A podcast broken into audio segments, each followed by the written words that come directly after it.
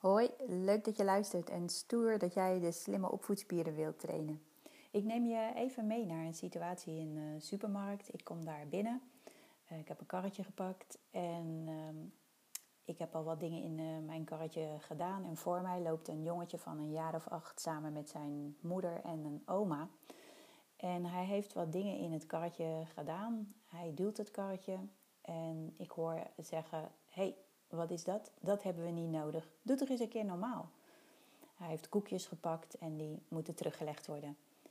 Ehm, we lopen eigenlijk eh, een beetje dezelfde route blijkt, want iedere keer kom ik ze weer tegen. En ik hoor eigenlijk aan de lopende wand opmerkingen als: hou nou eens op, rij eens normaal met dat karretje. Um, op een gegeven moment is hij zelfs op de vriezers uh, gaan liggen en uh, is het zo van: kom van die koeling af, haal die grijns van je gezicht. Hoe vaak moet ik je nu nog zeggen?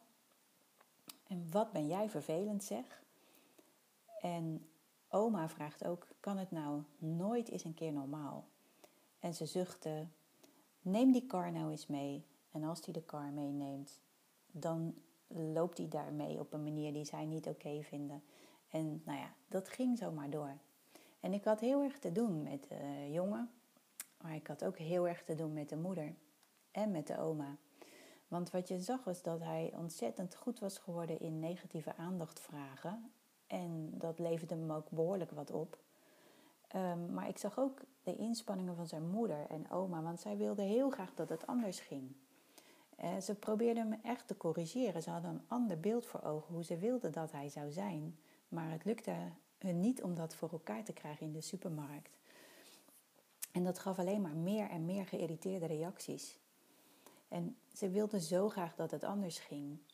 En op dat moment dacht ik, ja, ik heb al langer het idee in mijn hoofd van de slimme opvoedspieren. En nu moet ik er ook echt mee naar buiten komen. Want um, als, je ze niet, als je niet weet dat ze er zijn en als je niet weet hoe het werkt, hoe kan je dan lastige situaties handelen?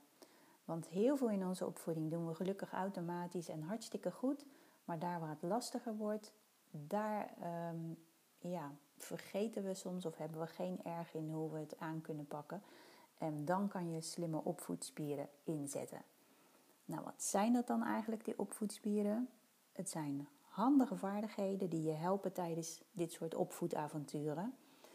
En die passen bij hoe het brein werkt van kinderen. En ook bij een grote basisbehoefte die ze hebben om zich gehoord en gezien te voelen. En vooral dus als het lastiger is en je hebt getrainde slimme opvoedspieren, heb je daar enorm profijt van. Want je bent sneller door een moeilijke fase heen. Het gaat je heel veel energie besparen en je hebt gewoon uiteindelijk ook een beter contact en een relaxter contact met kinderen. Deze handige vaardigheden die zijn uh, niet alleen bruikbaar voor ouders, maar uiteraard ook voor pedagogisch medewerkers bijvoorbeeld of leraren medewerkers in de tussenschoolse opvang, gastouders, oppas, opa's, oma's of vrijwilligers die met kinderen werken of begeleiden. Kortom, ja, iedereen die eh, met kinderen aan de slag gaat, eh, die um, kan er baat bij hebben. Dus je gaat hier meer over horen. Dus stoer dat jij eh, interesse hebt voor die slimme opvoedspieren en leuk dat je luistert. Hoi, stoer dat je geïnteresseerd bent in de slimme opvoedspieren. Vandaag neem ik je even mee naar een speeltafeltje bij de tuindeuren. Daar zit een meisje.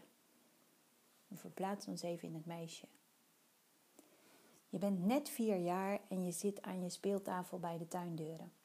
met volle aandacht ben je bezig in een nieuw gekregen kleur- en stickerboekje. Je peutert met moeite een sticker los, eentje die je op dat moment echt het leukst vindt maar hij valt van je vinger op de binnenkant van de kaft en daar wil je hem niet hebben. Hij moet ergens anders. En je hebt een plannetje met die mooie sticker. Maar oppakken lukt niet. Hij zit al vastgeplakt. Voorzichtig probeer je hem los te peuteren en dan gaat het mis. Er scheurt er stuk, nou lekker stotteren, een stukje scheurt in en die breekt af. En dan scheurt er nog een stukje af en dan nog een. En geschokt kijk je naar het resultaat, want jouw leuke mooie sticker die is kapot en je begint dus hard te huilen. Maar je vader en je moeder hebben niet gezien wat er is gebeurd. En op de vraag wat er dan aan de hand is, dan kan je eigenlijk niet gelijk antwoorden. Er zijn nog even geen woorden. Er zijn alleen tranen. En dan kruip je bij je moeder op schoot.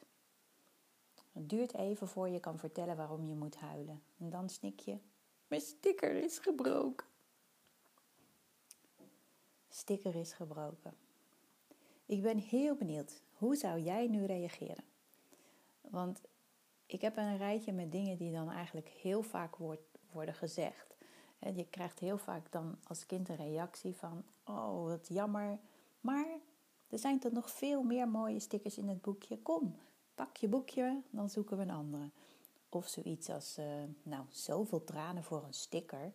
Of uh, dat hoef je, dan hoef je toch nog niet zo hard te huilen. Kom op, meid, er zijn ergere dingen. Of ja, lieve schat, stickers plakken nu eenmaal.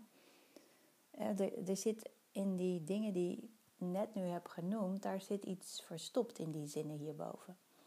En ehm, hiermee zeg je eigenlijk zonder dat je er erg in hebt, je gevoel moet zo snel mogelijk weg.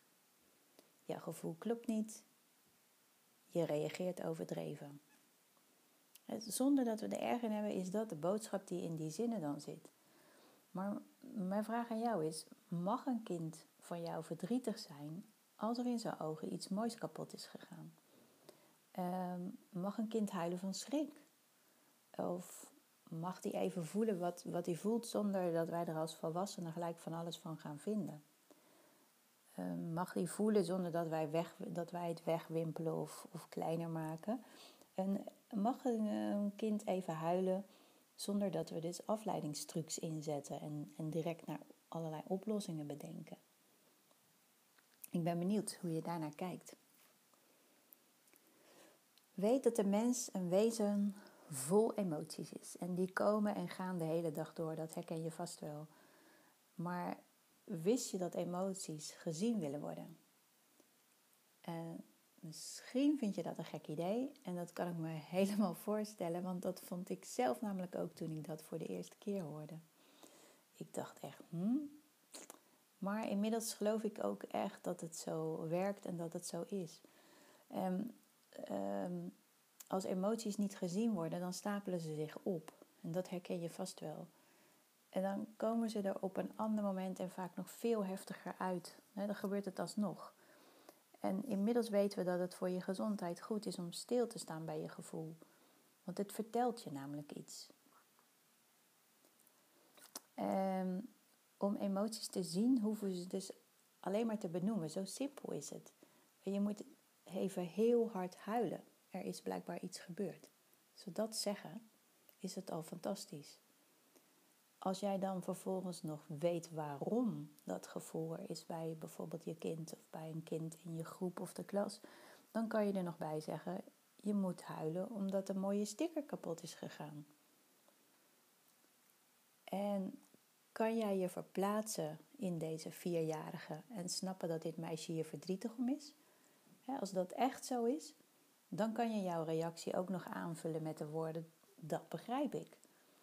Dus je moet huilen omdat een mooie sticker kapot is gegaan. Dat begrijp ik. Dan mag je best even verdrietig om zijn. En wat heel slim is, is om daarna stil te zijn.